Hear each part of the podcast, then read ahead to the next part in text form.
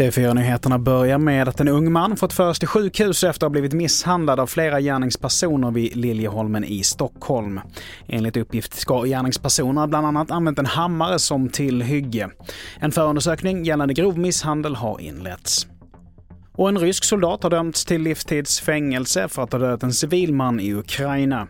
Krigsbrottsrättegången är den första i Ukraina sedan Ryssland inledde sin invasion i slutet av februari. Nej, det här är ju inte en nyhet som kommer ligga eh, överst i nyhetssändningar på statligt kontrollerade eh, tv-sändningar i Ryssland om jag får lov att uttrycka mig lite cyniskt. Det här kommer man ju att eh, spela ner och i den mån det kommer ut också försöka leda i bevis att, att det här inte var en riktigt genomförd eh, rättegång. Och i inslaget så hörde du Lisa Grenfors. Och till sist, nu meddelar danska hälsodepartementet att man kan konstatera det första danska fallet av apkoppor. Mannen ska ha smittats under en resa till Spanien och det är just Spanien och Portugal som haft flest fall av smittan. Fler nyheter hittar du på tv4.se. Jag heter Mattias Nordgren.